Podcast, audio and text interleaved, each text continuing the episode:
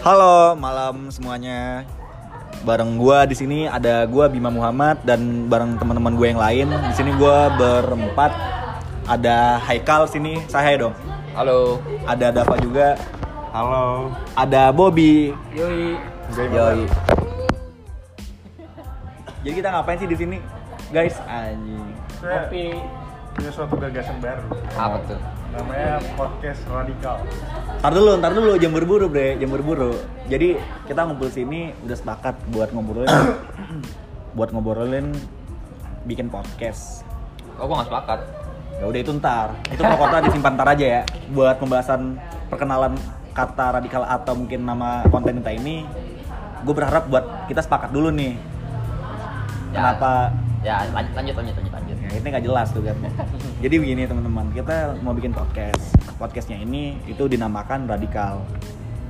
Dan kenapa mesti radikal? Apa itu radikal? Siapa orang-orang radikal itu? Radikalis itu siapa?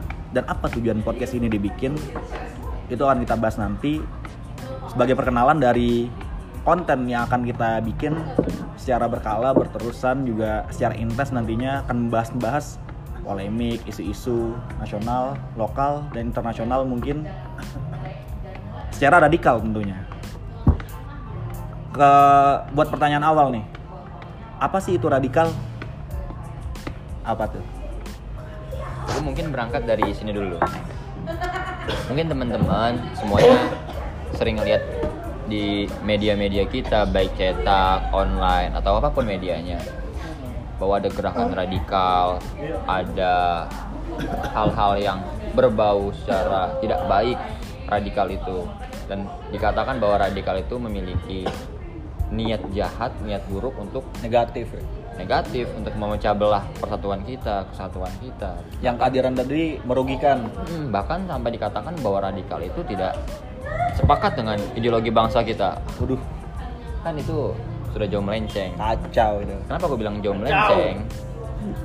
Kenapa gue bilang jauh melenceng? Karena menurut gue radikal itu bukan seperti apa yang dimaknai oleh media dan mayoritas pada hari ini. Eh, berarti media punya peran besar ya sampai arti kata radikal ini bisa bergeser tadi. Ya, betul. Karena memang media memiliki peranan yang besar. Media adalah pilar demokrasi keempat setelah eksekutif, legislatif, dan yudikatif. Trias politika. Tapi nanti itu kita bahas peranan media dalam eh, itu oke ntar itu ntar itu ntar. dalam episode-episode selanjutnya. balik balik balik. Jadi balik. ntar stay tune aja. Oke. Anjay, Tapi kita bahas dulu radikal.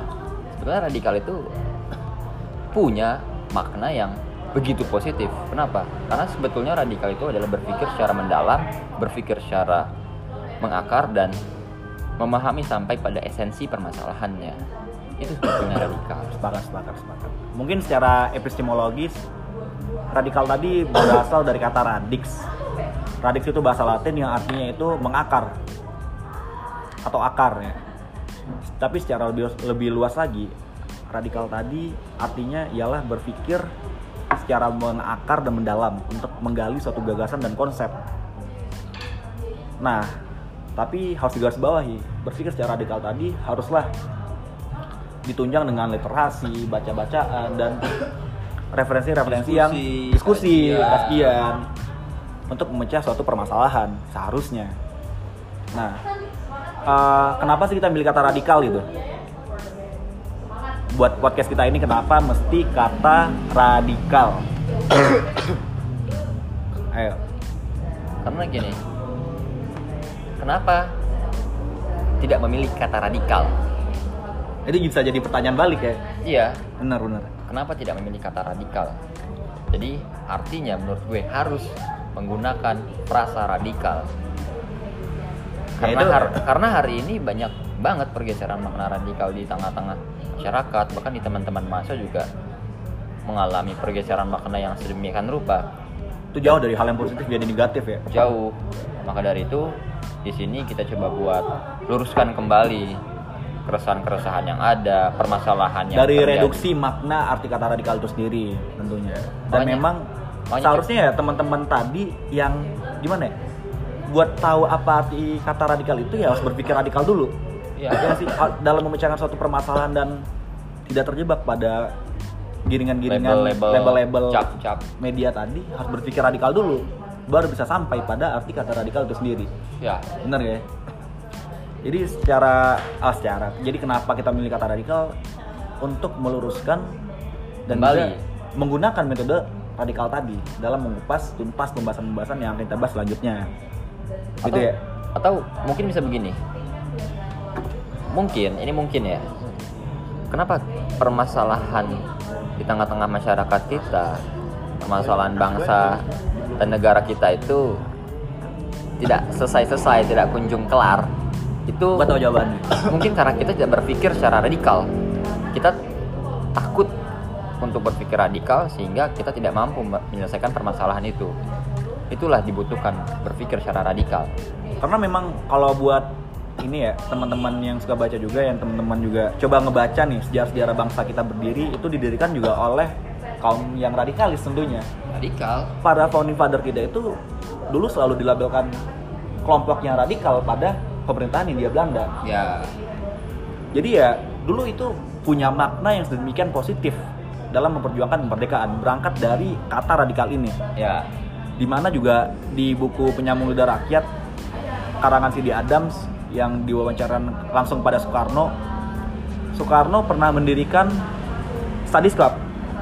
Selama masa pendidikan dia di Bandung di ITB itu dengan nama radikal konsentrasi untuk memperjuangkan kemerdekaan Indonesia Ya. pada waktu itu jadi Soekarno secara ah, berarti Soekarno adalah orang yang radikalis ya. begitu kan Dalam pidato-pidato dan tulisan-tulisannya Soekarno juga dia menyebutkan bahwa begini kutipannya. Kita sebagai kaum yang radikal. Nah, kalau kita lihat lebih dalam lagi, itu memiliki Lebih dua radikal makna. lagi. Itu ya lebih radikal lagi itu memiliki dua makna. Yang pertama adalah Soekarno mengakui bahwa dia adalah orang yang radikal. Dan yang kedua adalah radikal adalah hal yang positif, bukan hal yang negatif. Tentu. Buat dan Soekarno juga nggak sendiri tentunya. Ya. Dia dilabeli sebagai orang atau kelompok yang radikal itu juga para founding father kita juga acap kali itu dilabeli sebagai kelompok yang berpikir radikal Ya. atau sebagai radikalis tentunya. Ada Muhammad Hatta, ada Sultan Syahrir, Haji Omar Said Cokroaminoto, ada Cokroaminoto, Kartosoewiryo, Suryo, ada Semaun mungkin. dan karena gerakan-gerakan radikal yang Meresahkan Belanda pada waktu meresahkan itu. Belanda pada saat itu Belanda sampai bikin pasal makar dalam. KUHP-nya. Iya. Berarti dari makar itu yang sempat yang pernah pernah nih kayak kejadian-kejadian kemarin itu itu berawal dari itu ya. Iya. Pemerintahan India Belanda. itu untuk itu itu tuh untuk menangkal gerakan-gerakan kemerdekaan Indonesia pada saat itu maka dibuatlah pasal makar untuk menghalang pergerakan kaum radikal revolusioner pada saat itu jadi bukan berarti radikal itu memiliki makna yang negatif justru positif Mungkin Justru gini ya. karena gerakan radikal Mungkin itulah gini. kita bisa merdeka Mungkin gini Bung, Bung. Mungkin gini ya. eh, radikal itu bisa menjadi negatif ketika itu dihadapkan langsung kepada penguasa yang lalim. ya Tapi itu bisa menjadi hal yang positif ketika itu kita pakai dalam memperjuangkan suatu nilai, Ya. suatu keadilan tentunya, atau suatu kemerdekaan. ya Berarti ketika pemerintah dengan alat-alatnya media itu melabeli dan mencap-cap masyarakat sendiri itu radikal atau apa pun itulah, berarti itu adalah suatu propaganda Yang dari pemerintah itu sendiri. ya Dari emang itu secara sengaja dan akhirnya disambung lagi dengan pergeseran makna itu sampai sekarang. ya Berarti ya sekali lagi kita sepakat kalau radikal itu adalah satu hal yang positif. betul dibutuhkan dalam cara berpikir, metode dan diskusi yang mungkin itu harus radikal ya pengupasan suatu permasalahan ya tentu. Eh, tujuan kita bikin radikal itu apa sih? gimana apa tujuannya sebetulnya Gimana? Ada Dava juga di sini. Gimana Dav? Dari tadi kan kita udah ngobrol nih, tapi yang lain nggak nyautin. Coba. Kenapa sih Dav? Bob? Ada Gio. Tadi radikal tadi itu kan dari urut tuh dari apa, kenapa, siapa, dan kita sekarang udah sampai nih ke pada tujuan dari dirikan podcast ini. Kenapa Dav? Jadi sebenarnya tujuan kenapa sih harus radikal? Kenapa? Itu ya Karena buat merubah kenapa dari kita tuh harus radikal. Kenapa? Karena ya harus karena masyarakat Indonesia tuh gimana ya? Jadi dulu udah resah nih ya. Iya resah Berarti, gue. Oke, gue udah dapet nih batinnya langsung nih. Dapa mungkin nggak usah ngomong lagi, tapi gue udah nangkep nih batinnya Dapa nih. ya. Jadi Dapa resah. Segampang kemakan hoax. Karena berpikirnya kurang radikal Oke oke. Jadi dibutuhkan dan takut akan kata radikal itu sendiri. Dibutuhkan radikal tuh dalam ya permasalahan-permasalahan kontemporer lah ya. Mungkin yang dimaksud Dapa itu ya. Jadi kita resah nih ngelihat bangsa masyarakat kita yang tidak diun tidak mengerti apa kata radikal dan dia juga nggak mau untuk berpikir radikal. Buat Bobby mungkin menambahin tujuan kita bikin podcast ini dengan nama radikal itu apa, Bu? Kan Tujuannya? begini kita kan sebagai anak muda kan tidak pernah lepas dari media sosial. Oh, yoi. tidak pernah lepas dari media sosial dan emang sudah habitnya kita sebagai anak muda gitu. Milenial. Anak milenial bisa ah, selalu mengakses atau informasi dari media sosial. Makanya kita menggunakan podcast dan menamakan ini radikal. Mungkin itu sudah dijelaskan oleh Bung Bima dan Bung Haikal Bung Dava sebagai apa itu radikal. Gue cuma mengingat apa sekedar menambahkan. kalau misalnya justru di sini adalah peran-peran kaum mau kaum muda. Ini ada kesempatan kaum muda untuk berpikiran radikalis. Pada contohnya itu sebagai Bung Karno dulu.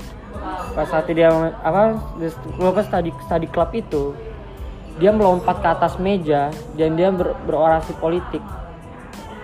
Orasi politik ya dengan menggunakan bahasa Bumi Putra. Saat itu Soekarno masih berumur 16 tahun Berarti Soekar Bung besar kita itu pada waktu itu menjadi anak muda pada zaman Iya, anak muda berani melompat ke atas meja berbicara di depan depan-depan orang yang lebih berpa, lebih berpengalaman, lebih tua daripada um- umurnya dia saat itu. Bahwa anak muda inilah anak muda. punya peran penting ya. Anak peran penting karena apa saat itu Bung Karno berpikiran radikal. Tuh. Sampai sana gue sepakat tuh, Bob. Juga kenapa sih kita harus pakai podcast buat menyumbangkan mewakafkan pikiran kita yang radikal, omongan kita, diskusi kita untuk menuangkan ke podcast nih kenapa tuh? Kenapa nggak pakai media lain gitu? Kenapa nggak pakai YouTube? Kenapa nggak pakai SoundCloud? Kemarin juga tuh kepikiran.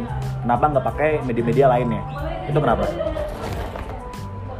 atau kenapa nggak pakai apa yang sudah dilakukan oleh pendahulu-pendahulu kita. Konvensional gitu. konvensional melalui tulisan di surat kabar seperti itu yang dan yang lain-lainnya. Begini pemikiran yang kita ingin sebarkan keresahan yang kita rasakan bersama itu tidak akan bisa disebarluaskan dengan cara yang konvensional. Bukan berarti kita mau menafikan cara yang konvensional seperti itu bukan Tapi harus dinamis tentu ya. harus dinamis juga. Dulu Bung Karno menggunakan cara yang hype pada saat itu apa? Organisasi, bikin partai. Tapi mungkin jangan Bung Karno mulu deh gitu kayak seolah-olah father kita hanya selalu Bung Karno nih. Mungkin Iya. Bung Haikal kurang radikal Oh. dalam menamakan sejarahnya nih, dalam memahami sejarah yang mungkin hanya tahu Bung Karno gitu atau mungkin ada contoh lain gitu. Ya banyak sebetulnya tokoh-tokoh karena Coba bisa sebutkan kan? Mungkin ya banyak Haji Omar Said Cokroaminoto juga sebagai cikal bakal dan gurunya Soekarno embrio kepemimpinan pemahaman dan daya revolusioner gedornya itu lahir dari guru maha gurunya itu Ha- Haji Omar Said Cokroaminoto Ada Tan Malaka juga. Tan Malaka Muhammad Hatta Muhammad Muhammad Nat Muhammad Natsir Muhammad Muhammad Yamin. Yamin banyak sebetulnya yang menggunakan metodologi yang pada saat itu hype apa? Surat kabar pers bikin partai organisasi. Itu adalah cara yang digunakan sesuai dengan Zamannya. zamannya.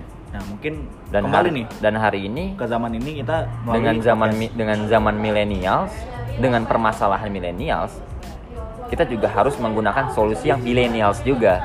Apa? Hemat kami podcast ini podcast. Mungkin sampai sana kita sepakat ya. Sampai akhirnya kita mencoba berdiskusi, berdialektika, berdiskursus melalui via podcast.